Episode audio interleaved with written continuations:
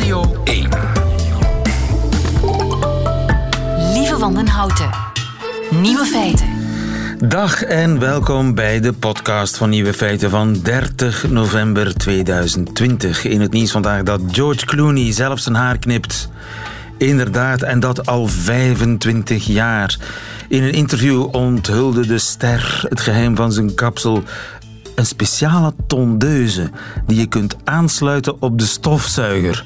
De Flowbee. years ago, uh, I bought a, a thing called a Flowbee, which when we You were did kid- not. when I was a kid, yeah.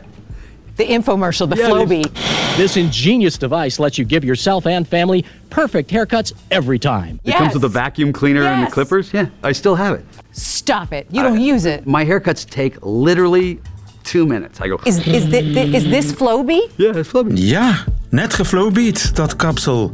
Een flowbee, een tondeuse die op een stofzuiger kan aansluiten. Makkelijk zat, kost amper twee, twee minuten werk. We hebben het even uitgezocht. Clooney en zijn stofzuiger tondeuzenkapsel die hebben in totaal in 37 films gespeeld en wonnen samen twee Oscars. Wat als Donald Trump hierachter komt? De gevolgen zijn niet te overzien. De andere nieuwe feiten. Europa wil dat we aan data-altruïsme doen. Data-altruïsme, inderdaad. Filmpjes van politieagenten die over de schreef gaan, die mag je in Frankrijk niet zomaar meer verspreiden. Een Belgische start-up maakt spijkerbroeken bijna zonder water. En op latere leeftijd een taal leren begrijpen, dat gaat nog. Maar leren spreken is aards moeilijk.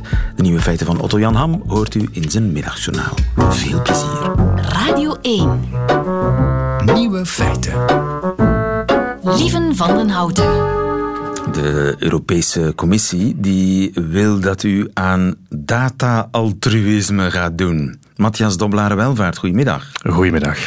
Je bent eh, ja, privacy-activist, mag ik toch wel zeggen? Ja, je waarschuwt absoluut. voortdurend dat we ons niet te veel moeten laten Ik ben continu aan het zagen eigenlijk. Dat is een beetje, ja. professionele zaak. Eh, omdat jij, privacy ligt jou heel erg nauw aan het hart. Ja, ik denk het. Het is altijd gevaarlijk om te zeggen dat iets je roeping is, maar als iets is, dan zal het toch wel privacy zijn. Maar er lijken mij slechtere doelen om u voor in te zetten. natuurlijk. Nu is er een verordening die eh, de Europese Commissie vorige week opstelde. En daarin roept die commissie op tot data-altruïsme. Wat bedoelt ze daarmee? Maar Wat ze daar eigenlijk heel concreet mee willen zeggen, is dat we nu op dit moment heel veel data afgeven aan de multinationals, aan de grote techbedrijven Google. zoals Facebook, Google, Amazon enzovoort. En eigenlijk wil de Europese Commissie een soort vuist maken naar die grootmachten, een soort open datacentrum gaan creëren, waarbij persoonsgegevens, maar niet alleen persoonsgegevens, ook alle soorten data vrij verhandeld kunnen worden tussen bedrijven, tussen overheden. Daarom niet altijd voor geld, maar zoals je zelf ook aangeeft, uit altruïstische doeleinden. Dus je kan als persoon zeggen van kijk, die mogen mijn data hebben. Eh, of je kan ook zeggen, ik wil daarvoor betaald worden. Want dat is ook een op- optie. En over wat voor data gaat dat dan? Wel, een van de meest voor de hand liggende use cases is dat je bijvoorbeeld naar de, naar het ziekenhuis moet en dat je bijvoorbeeld zegt daarvan kijk, eh, de onderzoeken mogen gedeeld worden met andere onderzoekers, met medische onderzoekers, om bijvoorbeeld nieuwe geneesmiddelen eh, te ontwikkelen of nieuwe procedures. Dat is een, een mooie use case, waar je zelf ook voorstander kan van zijn. Natuurlijk, de realiteit is wel zo dat het waarschijnlijk ook wel zal gebruikt worden voor minder mooie zaken, zoals commerciële activiteiten. Eh, maar daar kun je toch regelen dat dat niet kan gebeuren? Wel, die verordening verwijst heel uitdrukkelijk naar de GDPR. Dat is die heel strikte privacywetgeving. Ehm, zij moeten eraan voldoen. Dus bedrijven die die data gaan uitwisselen, moeten zogezegd u en mijn toestemming hebben. De verordening spreekt over een standaardformulier dat mensen gaan moeten invullen. Maar hoe dat eruit ziet, praktisch concreet, dat, dat blijft gissen op dit moment. Het is een heel nieuwe verordening. Die is nog maar vorige week eh, gepubliceerd. Ehm, België werkt al langer trouwens aan een datakenniscentrum. Zeker Vlaanderen, onder leiding van Jan Jan Bon, werkt daar eh, aan. En die zei vorige week ook van kijk, het is de bedoeling dat die op termijn volledig privaat wordt. Dus een overheidsinstelling mag het niet blijven. Het wordt een privaat initiatief. En je moet eigenlijk die verordening zien in die veranderde shift in de maatschappij, waarbij data heel waardevol is, maar waarbij men ook wil evolueren naar een open data society, waar mensen data delen gratis of tegen betaling. Maar het komt er eigenlijk op neer dat datgene wat je eh, sowieso aan Facebook en Google vertelt, vertel dat dan maar aan de Europese instellingen. Wel, ja, nee. Het is inderdaad die data natuurlijk die de Europese Commissie ziet vertrekken naar het buitenland, naar grootmachten als de VS en China. Maar het is ook veel meer. Vandaag, als je bij de dokter komt en je hebt een probleem of je doet een coronatest, ja, dan gaat dat eigenlijk wellicht, hopen we, niet naar Facebook. Dus het gaat wel breder. Het is ook belangrijk om aan te dat het echt niet enkel gaat om onze gevoelige persoonsgegevens, maar dat het veel breder is. Bijvoorbeeld, er is een project geweest in Kortrijk over ANPR-camera's, die slimme camera's langs de weg. Daar zei men van, kijk, hoe interessant zou het niet zijn mochten we die camera's, de beelden daarvan kunnen capteren, om te zien waar het verkeer rondrijdt in Kortrijk, die verkeersstromen gaan bestuderen. Nu, eh, de COC, de interne datawaakhond van de politie, heeft ondertussen al bevestigd, twee weken geleden, dat dat ging om een illegale test. Waarom? Onze Belgische wetgeving is heel strikt. Die camera's mogen enkel worden gebruikt voor veiligheid te gaan garanderen. Maar zo'n verordening zou ook kunnen worden aangepakt om te zeggen van kijk, die dure camera's staan daar toch laten we een keer gaan kijken waar iedereen rijdt om verkeersstromen, rode lichten af te stellen, enzovoort, enzovoort. Dus er zijn oneindig veel mogelijkheden, maar die verordening zegt wel, het moet in overeenstemming zijn met de GDPR. Hoe dat ze dat gaan doen, dat is mij nog niet helemaal duidelijk, maar men zegt, privacy is heel belangrijk en net door die open data verordening willen we eigenlijk meer controle geven aan burgers wat er gebeurt met hun data. Dus je zegt enerzijds is er strenge privacywetgeving Europees en anderzijds zegt Europa geef al je data aan ons. Dus dat is een beetje raar. Ja, en dat is ook de conclusie van de meeste onderzoekers nu. De, de meeste, er zijn heel weinig zaken nog over gepubliceerd, maar dat is een beetje de, de conclusie van ja, is het nu down the rabbit hole of is het nu echt een goed konijn? Wat gaat het gevolg zijn van die verordening? En dat is heel moeilijk in te schatten. Ik denk dat je zeker de voordelen kan gaan oplijsten, namelijk data gaan ontsluiten bij bedrijven, bij overheden, die daar nu heel frequent in het archief zit, zet maar. Bijvoorbeeld, welke data?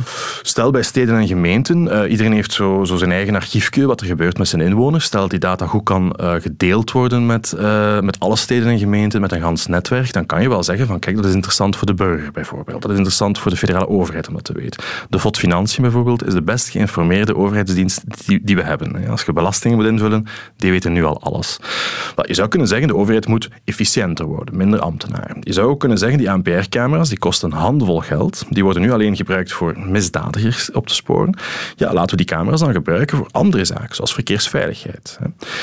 De, de tegenargumenten is natuurlijk van ja, goed, het is niet omdat die dure camera's daar staan, en waar we eigenlijk als activisten, privacyactivisten sowieso tegen zijn, dat je die nu opeens mag gebruiken voor god weet welke doeleinden. En dat is die, die, ja, die, die contradictie die je zelf ook aangeeft in het begin van waar wat gaat nu de echte uitkomst zijn van die verordening? En ik moet het teleurstellen, want dat weet op dit moment niemand. Het is heel interessante wetgeving. Er zal maar heel weinig pers op afspringen. Zal het verplicht worden? Ja, het is een verordening. Hè. Dus, die dus het wordt verplicht? Ja, die is in elk land uh, eigenlijk bijna onmiddellijk ten uitvoerbaar. Um, men spreekt over een soort data-autoriteit in elk land, die dan als niet-commerciële entiteit moet gaan beslissen van kijk, ik, ik, wissel hier een datapakketje uit met die overheid of met dat bedrijf. Bedrijven kunnen zelf zeggen van kijk, we willen onze data delen, maar natuurlijk, die data moet wel van hen zijn. En moet wel op een rechtmatige manier uh, verzameld worden en verzameld geweest zijn. En dat is altijd de vraag. Als men data gaat verhandelen en doet alsof het die data van dat bedrijf of die overheid is, maar het is in eerste instantie niet proper verzameld, dan zit je met een probleem. Dat is een dus- beetje zoals gestolen kunst. Ja, exact. Die, dan een weg aflegt. Ja, exact. Maar die dan vorige... legaal gekocht, maar ja, ooit misschien gestolen. Ja, en je gaat er dan maar eens achter natuurlijk als burger of als klant, een keer dat je data in zo'n pakketje zit, en dat zit bij die data-autoriteit, en dat is ondertussen gedeeld met 10, 20 andere bedrijven, ja, begin maar hè, om te zeggen van... En dan is het officieel geanonimiseerd, maar wie weet, een of ander WizKid kan daar toch nog namen en adressen en telefoonnummers aan toevoegen. Ja, er is heel veel discussie over anonimisatie. Er zijn ook heel veel procedures om dat te doen, om gegevens te gaan strippen van identiteit. Nu, als het bijvoorbeeld gaat om locatiegegevens, zegt men van kijk, wij doen een pakketje met 20 personen. 20 personen die rondrijden of rondwandelen en dat moet voldoende zijn om niet te achterhalen wie die persoon is. Nu, ik kan u vertellen, wij zijn helemaal niet zo interessant als dat we soms van onszelf denken. Onderzoek heeft aangetoond van MIT en de KUL dat eigenlijk met vier locatiepunten je 95% van de mensen kan terug gaan identificeren uit zo'n dataset. Waarom? Wij wonen ergens, werken ergens, we hebben een hobby en de vierde die mag je dan maar zelf invullen. Ja. Uh, maar goed, is niet zo interessant. Je kan er van alles tegen inbrengen, maar anders gaat het toch maar naar Amerika. Ja, maar ik begrijp ergens de Europese Commissie die zegt van kijk, wij moeten ook een data powerhouse worden. Dat is allemaal wel netjes om, om, om te willen. Maar het is niet two wrongs don't make a right. Het is niet omdat onze data nu al versast wordt naar de VS en China, en daar kunnen we heel veel over zagen, maar waarschijnlijk niet zoveel aan doen, dat, dat we nu al die data moeten weggooien naar de EU. Want daar kunnen we wel iets aan doen. Het niveau van democratie lijkt lager. We kunnen natuurlijk minder goed die Europese Commissie vastpakken, maar dat betekent niet dat we zomaar akkoord moeten gaan. Nu op zich, in theorie, met die verordening, is niet zo heel veel mis. Het gaat gewoon uitwijzen, de praktijk, of dat ook daadwerkelijk zo altruïstisch en zo mooi is als het lijkt. En dat is spannend. Dat is afwachten. Ja, voor ons wel natuurlijk. Voor de normale burger weet ik niet dat dat zo spannend is, maar voor privacy mensen is dat alles niet spannend. Ja. Matthias Doblare Welvaart, dankjewel. Goedemiddag. Nieuwe feiten. Coucou de France. Met Alex Visorek. En waar de Fransen mee bezig zijn, dat weet niemand beter dan uh, mijn collega en onze landgenoot, uh, mijn collega bij Radio France, Alex Visorek. Goedemiddag, Alex. Ja, goedemiddag. Dat denk u dat ik alles weet. Goedemiddag, lieven. Uh, als je in Frankrijk je televisie aanzet tijdens de feesten, heb je heel veel kans om dit te horen. Ken je dat misschien? Dat is... Ja, is, is ja? dat niet uh, Louis de Funès? Ja, Le Gendarme de Saint-Tropez. Ah, voilà. Cult filmreeks uit de jaren 60 met onder andere Louis de Funès als de chef van een vrij incompetent politiebureau in Saint-Tropez. Het manier waarop het idee van de film gekomen is, uh, is ook een leuke weetje. Uh, de camera van een scenarist werd in Saint-Tropez gestolen, maar toen hij naar de politie ging om klacht in te dienen, antwoordde de politieman Tja, meneer, waarom komt u uh, dat aangeven tijdens het middageten? We weten trouwens wel wie de dader is, maar het lukt ons nooit om uh, hen te pakken, dus sorry. waarom? ja. De scenarist antwoordde, wel, ik zal zorgen dat iedereen weet wat voor een je m'en foutiste jullie zijn en voilà, zes films, 35 miljoen kijkers in de zalen. Maar als je je televisie deze week aanzette in Frankrijk, viel er helemaal niks te lachen met de politie. Integendeel, de Franse politie ligt onder vuur na een heel hardhandig optreden tegen vluchtelingen in het centrum van Parijs. En dan, bijna tegelijkertijd, gebeurde er ook dit. En début de soirée, Michel, producteur de musique, aperçoit la police dans la rue. Il rentre rapidement dans son propre local de musique pour éviter une amende car il ne portait pas de masque. À l'intérieur, à peine à l'intérieur, il va être bousculé puis roué de coups par trois policiers, dont un en civil, comme on le voit sur ces images. Les policiers ignorent que la scène est filmée. Oei, dus de politie is hem naar binnen gevolgd en hem daar ja. Uh, ja, hardhandig aangepakt. Ja, en een vijftiental minuten. Uh, en de politie verdedigde eerst het geweld door een versie van de feiten te geven. Maar dan verschenen er beelden die de buren gemaakt hadden en die tonen dat hun versie niet klopt. Hier minister van Binnenlandse Zaken, Gérald Darmanin. Ces images, elles sont euh, inqualifiables, elles sont extrêmement choquantes. Et euh, dès euh, que j'ai pris connaissance euh, de celle-ci, de ce qui s'était passé, J'ai demandé la suspension de ces policiers. Ils ont sali l'uniforme de la République. Oké, okay, dat zegt de minister. Sali. Ze hebben het uniform van de Republiek bevuild. Ja, dat hebben ze gedaan. En weet je waarom uh, dit allemaal nog harder binnenkomt? Omdat er uh, net nu over een nieuwe veiligheidswet wordt gedebatteerd. La loi de sécurité globale. En die zou het onwettelijk maken om beelden van politieagenten te verspreiden als ze daarop herkenbaar zijn. De bedoeling is om de agenten te beschermen, maar men vreest dat het verder zal gaan. On voit clairement des policiers à certains moments dire regardez, il y a des gens qui filment la scène. Et ça, demain, ça pourrait être vous filmez la scène, mais vous pouvez aller euh, euh, derrière en garde à vue. Ja, je zou deze wet zo kunnen interpreteren dat je onmiddellijk gearresteerd wordt als je filmt. Ja, dus hadden uh, wij in dit geval nooit beelden gehad uh, die het uh, buitensporige optreden konden tonen. Het voorstel van minister Darmanin klinkt dus een beetje als zulke beelden zijn verschrikkelijk. Wij zullen dat dan maar oplossen door die niet meer te mogen laten zien. maar de minister wilde direct bepaalde interpretatie en halt toeroepen. Donc je n'ai plus le droit de le diffuser si vous sur voulez un le réseau diffuser social. sur Internet euh, de façon sauvage, pardon de le dire comme ça, vous devrez faire flouter les visages des policiers et des gendarmes. Dus opname, dat kan nog, maar als je de beelden Ja. gaat verspreiden, dan moet je het gezicht van de politieagenten blurren. Blurren. En dat zorgde natuurlijk wel voor wat grappen op het internet. Onder andere met een versie van Le Gendarme de Saint-Tropez, aangepast aan die nieuwe wet, eh, waar het gezicht van de Funes en zijn medewerkers geblurred is. Maar ook foto's van Sting en de police, de police, hoe zeg je dat? De police, inderdaad. Eh, ja, de police, de groep, eh, zijn wazig gemaakt. Humor is inderdaad ook altijd een manier geweest eh, om eh, wat los te laten. Al in de jaren 90 lachten de comedians Les Inconnus met politieagenten die te vlug hun wapen gebruiken. Mais au fait, les bavures. Les, pistolets que nous avons ont deux sécurités. Déjà, bon, alors, il y a la première, et même quand la première est, est enclenchée, il reste toujours la deuxième sécurité. Alors vous voyez, euh, il n'y a aucune... Oh merde, ja, onze pistolen hebben twee beveiligingen. De eerste, de tweede en... Oeh, oeh, pardon. De cameraman. Te laat. Eh, les bavures, dat is het probleem eh, in Frankrijk nu. Maar eh, het is wel een serieus en groot debat dat gevoerd moet worden. Linkse partijen veroordelen het systematisch geweld en ook de mogelijke aanval aan die persvrijheid. Maar voor rechtse partijen blijken politieagenten de echte slachtoffers te zijn. En je hebt misschien de beelden gezien dit weekend 130.000 Fransen op straat om te betogen tegen la loi sécurité globale.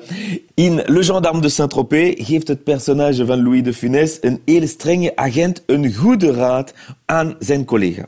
Vous savez que le gendarme est à la nation ce que le chien de berger est au troupeau. Il faut souvent aboyer, parfois mordre, mais toujours se faire craindre. Ja, de politieagent is zoals een, eh, een herdershond. Hij moet kunnen blaffen, soms bijten, maar altijd gevreesd blijven. Ja, en eh, tegenwoordig eh, is Frankrijk ervan overtuigd dat er politieagenten zijn die het te à la lettre nemen. Eh, maar met de nieuwe veiligheidswet eh, en het bewijs dat bepaalde feiten niet bestraft worden als de beelden niet rondgaan, eh, zal het nu nog wel mogelijk zijn om te verhinderen dat die agenten te hard bijten. En dat is de vraag die Frankrijk momenteel bezighoudt. Waarvoor dank, Alex Vizorek in Parijs voor ons. Dankjewel, goedemiddag. Ja, tot volgende Radio 1. Nieuwe feiten. Niets is zo lekker als een goed zittende spijkerbroek, maar weet u hoeveel water er nodig was om haar te maken? 10 liter? 100 liter? Ik zal het u zeggen. 7000 liter. Je zou je schamen. Gelukkig is er Lander. Goedemiddag, Lander. Goedemiddag. Lander de Smet, eh, jij hebt met je collega's de meest milieuvriendelijke jeans ter wereld ontwikkeld naar het schijnt. Klopt dat? Dat klopt. En heb je ze aan? Ik heb ze nu aan, ja. Wauw. Helaas kunnen we ze niet laten zien aan de, aan de camera. maar eh, is, is het een gewone spijkerbroek? Het is een gewone spijkerbroek, in die zin dat ze even kwalitatief uh, is als een, als een conventionele jeansbroek, zeg maar. Maar ze bespaart inderdaad 6631 liter water. En jij hebt een bedrijfje opgericht die die broek kan maken? Dat klopt. Wij hebben een bedrijf opgericht en dat heet Honest. Um, en wij uh, maken jeans uh, zoals wij denken dat jeans zouden moeten gemaakt worden. Dus wat wij doen is, wij vertrekken eigenlijk vanuit oude versleten jeansbroeken als ons uh, raw material, zeg maar. En dat gaan wij recycleren tot nieuwe jeansbroeken. En dat, dat spaart al een hele bak water. Ja, dat klopt. We hebben vandaag, om onze jeans te maken, hebben wij vandaag nog een, een 360 liter water nodig ongeveer. Um, 300 liter versus 7000 liter. Ik vind die 7000, ik vind het onwaarschijnlijk. Ik neem aan inderdaad dat je water nodig hebt om het katoen te kweken, te laten groeien.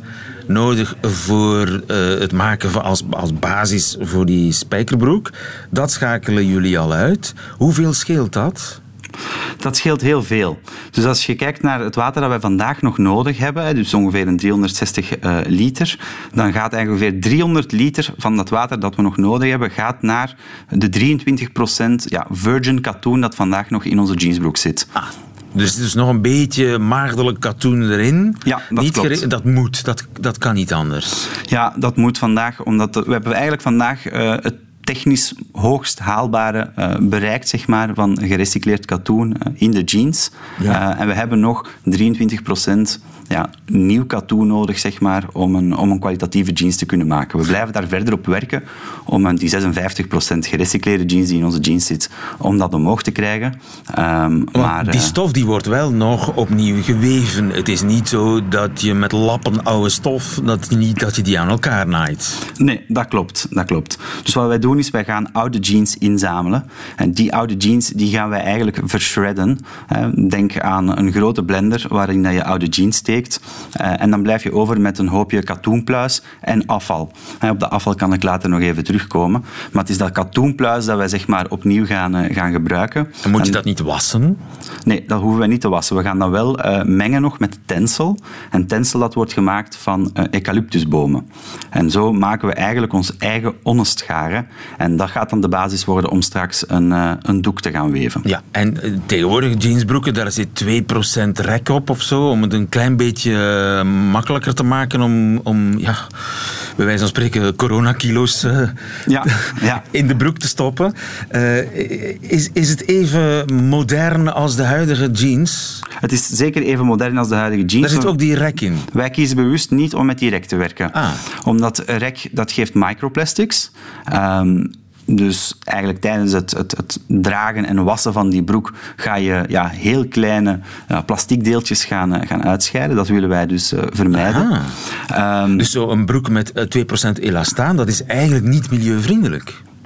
Dat is niet super milieuvriendelijk, nee. Okay. Dat klopt. Maar goed, wassing is natuurlijk heel belangrijk bij een spijkerbroek, want dat bepaalt de look. He, want je kunt natuurlijk die effe jeans mooi vinden. Maar er zijn heel veel mensen die een jeans willen die er al een beetje gedragen uitziet. Met, met uh, ja, sporen van, uh, van, van gebruik op knieën en kont. En hoe, ja, dat is allemaal heel high-tech fashion. Hoe, hoe ziet die broek er van jullie uit? Is daar ook nog veel nagewassen? Ja, elke jeansbroek die je vandaag in de winkel uh, vindt, die zal gewassen worden. Um, net omdat ja, elke jeansbroek die je vandaag vindt, zou normaal gezien van oorsprong dezelfde kleur hebben. En al die kleurschakeringen die worden eigenlijk bereikt door industriële washings. Um, wij hebben daar ook geïnnoveerd. We werken daar vandaag bijvoorbeeld met natuurlijke enzymes om die kleurverschillen te gaan krijgen. We werken daar ook met ozon en met technologie die eigenlijk uh, nanobubbels gaat vormen. Nanobubbels? Ja, dat klopt. Dat zijn zeer minuscule bubbeltjes die eigenlijk het water dat er nog nodig is tijdens die wassing en de chemicaliën om, uh, om de kleurverandering eigenlijk uh, in gang te zetten, die die gaan door die nanobubbels zeg maar, getransporteerd worden. Een en soort spuitwater eigenlijk. Jullie wassen ze in spuitwater, daar komt ja, het op neer. Je zou het, zo kunnen, je zou het zo kunnen gaan vergelijken. Maar dat zorgt er eigenlijk voor dat we ook weer daar 90% water kunnen gaan besparen, 90% chemicaliën ja. uitsparen en ook heel wat energie weer uh, die we niet nodig hebben. Ja, die claims die jij nu allemaal uh, maakt, ik, ik ben bereid om je op je woord te geloven natuurlijk, maar er zullen mensen zijn die zich afvragen, ja dat zegt hij nu allemaal wel, maar is dat gecontroleerd? Ja, nee, dat is zeer terecht. Hè. Wij, wij zeggen ook vanuit honest, nothing to hide. Ik denk dat transparantie vandaag de dag in een wereld waar dat er toch heel veel tinten groen zijn, zeg maar, hè, uh, dat dat het enige wapen is die wij hebben als, als kleine start-up. Dus eigenlijk op onze website ga je alles volledig uh, ja, gecontroleerd en uitgelegd inderdaad terugvinden. Dus dat is inderdaad, uh, daar zijn LCA's op gebeurd. LCA's, wat zijn LCA's? Dat is een Life Cycle Assessment. Oeh, Om eigenlijk de volledige impact van, eigenlijk het, van een katoenzaadje zeg maar, bij een jeans tot en met het product in de winkel te krijgen in kaart te brengen. En is, is daar een agentschap voor of een bedrijfje die die, die, die labels uitdeelt? Of, of, uh... Ja, er zijn verschillende agentschappen aan die dat, uh, die dat inderdaad uh, gaan controleren. En dat is dus een volledig Belgische uitvinding. Waar wordt ze eigenlijk gemaakt, die broek? Dus wij gaan de oude jeans die gaan wij inzamelen hier in België. Dat doen we samen met de kringwinkels. Um, vervolgens gaan we de broek gaan, uh, gaan blenden, gaan shredden in Duitsland. De garens maken we ook in België met de European Spinning Group. En dan gaan we weven in Italië en confectioneren in Portugal. Het klinkt alsof die broek 1000 euro gaat kosten. Die broek kost 135 euro. Oh. Ja. En daar zit 15 euro statiegeld op. Dus als ik ze binnenbreng, krijg ik die 15 euro terug? Dat klopt. Ja, wij willen eigenlijk de cirkel volledig kunnen rondmaken. Dus wanneer dat een consument zo'n broek versleten heeft, dan hebben wij liefst dat die broek terug bij ons komt, in plaats van bij het restafval terecht komt, zodat wij de broek opnieuw kunnen gaan recycleren. Ja. En ook belangrijk is dat wij de broek volledig kunnen recycleren. Omdat we net weten wat het er afval wordt tijdens dat shredproces. Hè. Dan denk ik aan knopen, klinknagels, uh, lederen labels, polyesteren labels enzovoort. Dat zijn wij ook eigenlijk allemaal gaan vervangen. Dus onze knopen, excuseer, die zijn uh, afschroefbaar. Wij hebben geen rivets, uh, die hebben wij vervangen door uh, borduursels. En die polyester labels, die informatie dat noodzakelijk is, die drukken wij op de binnenkant van onze binnenzakken. Ja, en hoe doen jullie het met distributie? De winkels die gaan morgen open, denk ik? De winkels gaan morgen open. Vandaag zitten wij in een pre-sale fase. Dus wij bieden de, de broek vandaag aan met 20% korting op de website. Maar de klant gaat nog eventjes moeten wachten. Tot, uh, tot januari gaat hij nog moeten wachten.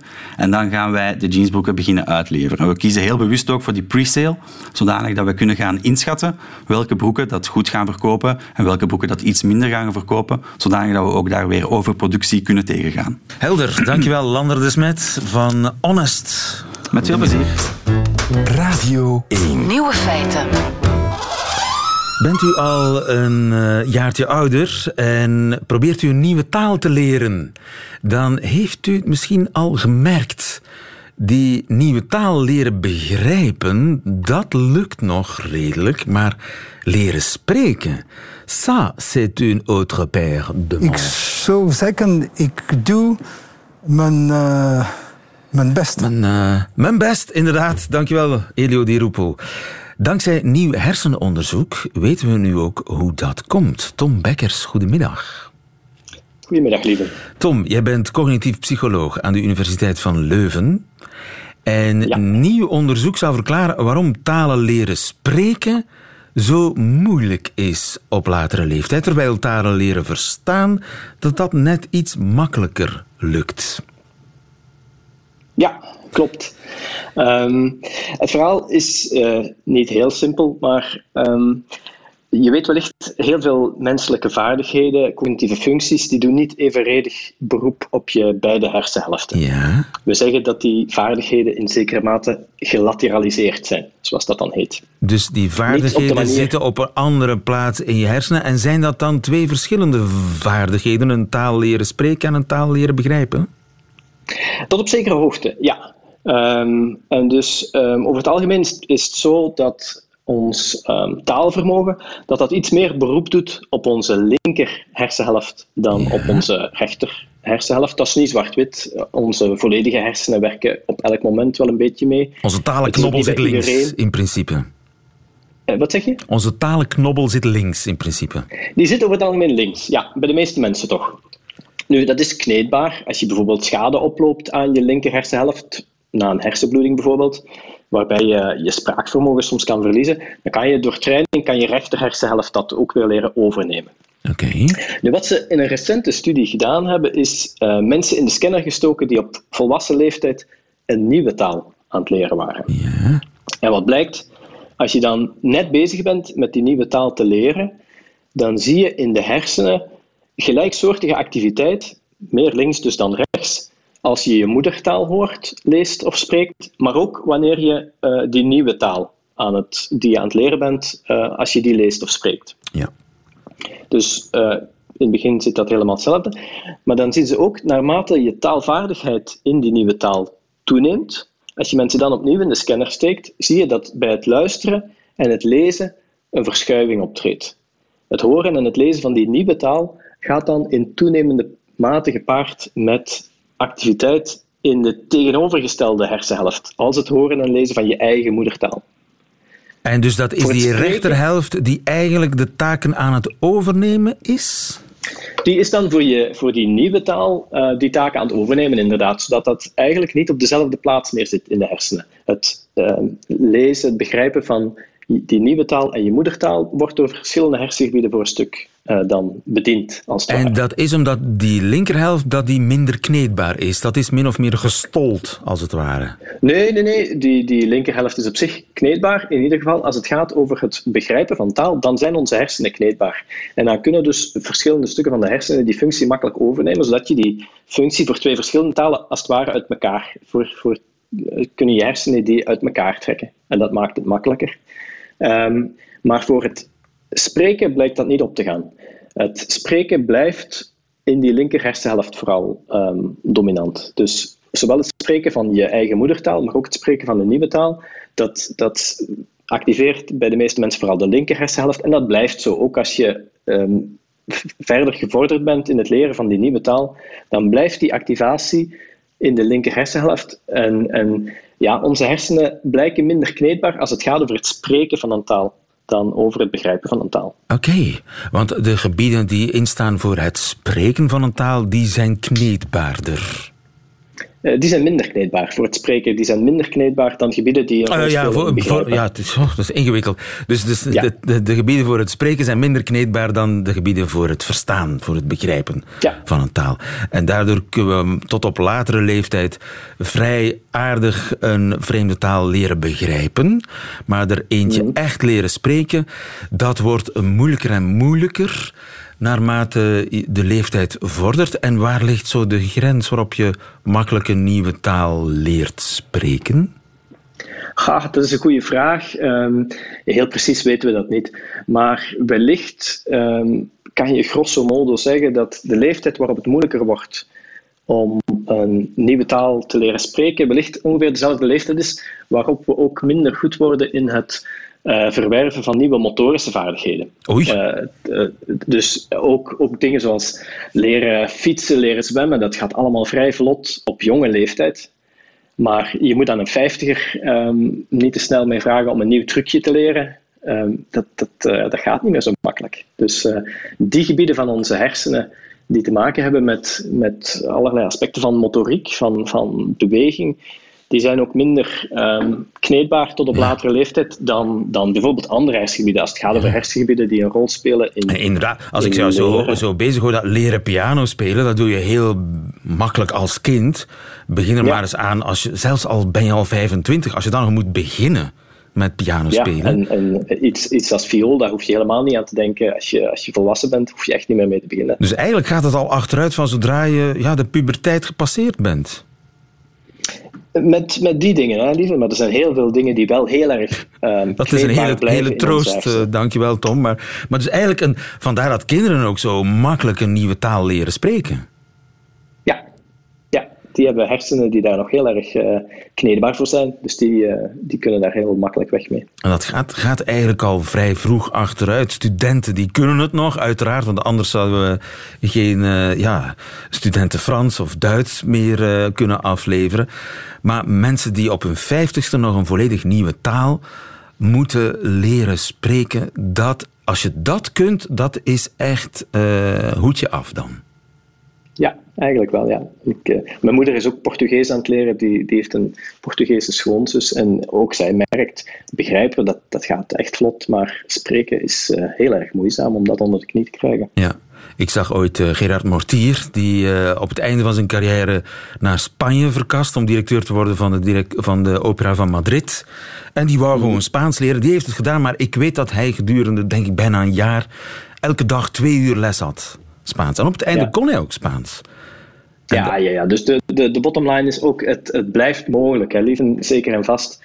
Um, maar de, de hoeveelheid oefening die het vergt, die wordt wel exponentieel groter naarmate dat die hersenen minder kneedbaar zijn. Inderdaad, en dan leren begrijpen, dat gaat nog, maar de hersendelen die instaan voor het leren spreken van een taal, die worden al een beetje minder kneedbaar ja, van zodra je volwassen wordt. Helder, dankjewel Tom Bekkers. Goedemiddag. Graag gedaan. Radio 1. Nieuwe feiten. Dat waren de nieuwe feiten van 30 november 2020. Alleen nog die van Otto Jan Ham heeft u te goed in zijn middagjournaal. Nieuwe feiten. Middagjournaal. Hallo. Ik had niet gedacht dat ik dit nog zou zeggen, maar ik ben er zo langzamerhand wel klaar mee met dat binnenzitten. Ik kan nog net de behoefte onderdrukken om met een bende wildvreemden die allemaal ziek of onderweg zijn naar een verlichte kerstboom in Brugge te gaan kijken, maar het begint toch allemaal te wegen. Mijn vriendin en ik hebben de laatste tijd vaak ruzie en het gaat altijd over de wifi in ons huis of het gebrek daaraan. Ik voel dat zij mij daar de schuld van geeft en zij denkt dat ook van mij, terwijl, kom aan. Ik geef het niet graag toe, maar wij kunnen niet meer zonder een wifi-signaal. Je weet dat het niet zo goed met je gaat wanneer je razend wordt omdat je niet van op je wc kan opzoeken hoe die film ook alweer heet met Bradley Cooper van een paar jaar geleden, waarin hij zo'n psychiatrisch patiënt speelt. Jennifer Lawrence speelde zijn lief en ook Robert De Niro deed mee. Oké, je hebt die hele film nooit gezien, maar je kan het honderd keer zeggen. En als dat scheid-internet nu gewoon zou doen wat het moet doen, dan had je nu niet razend moeten worden op je vriendin, want het is haar schuld. Omdat we onze relatie niet zomaar willen laten stuklopen, we hebben per slot van rekening nog maar net een nieuw kind, besloten we de helpdesk van Telenet erbij te halen. Als je naar Telenet belt of naar eender welke helpdesk, dan weet je dat er aan de andere kant van de lijn iemand zit die, hoewel niet per se onaardig, een zeer strikt scenario volgt. En dat scenario is zodanig opgesteld dat het sturen van een technieker ten allen tijde dient te worden voorkomen. Want dat kost Telenet geld.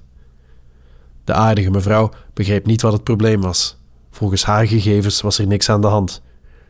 Misschien moesten we gewoon nog een extra powerline of router of wifi-signaalversterker in huis halen. Zij kon die wel laten opsturen.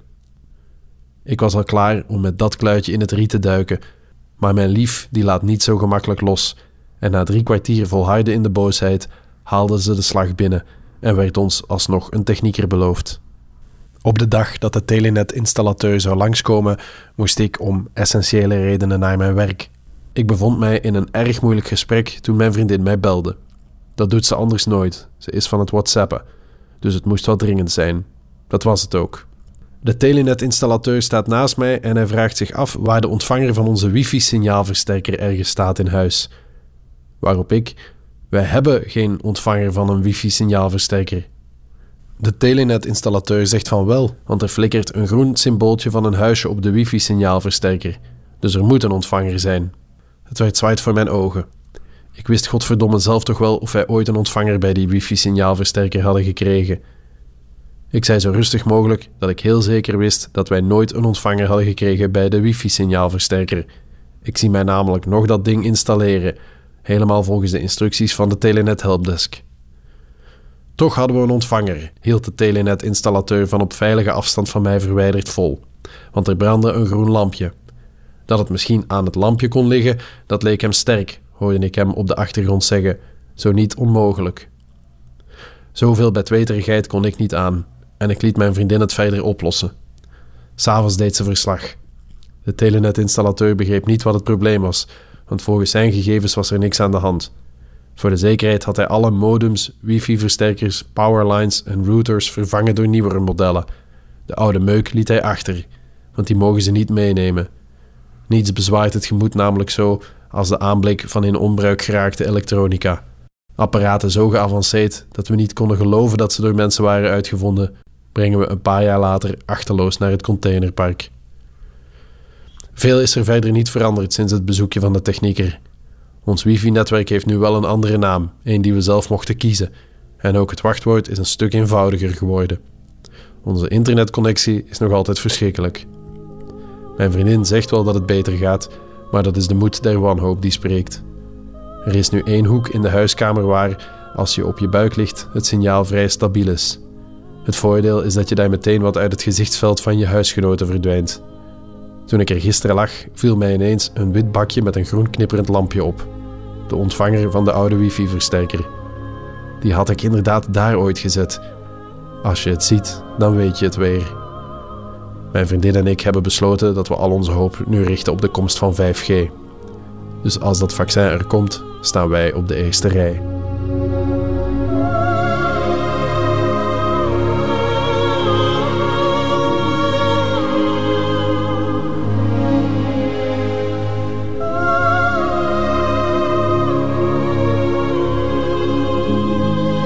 Jan Ham en de zelfkennis.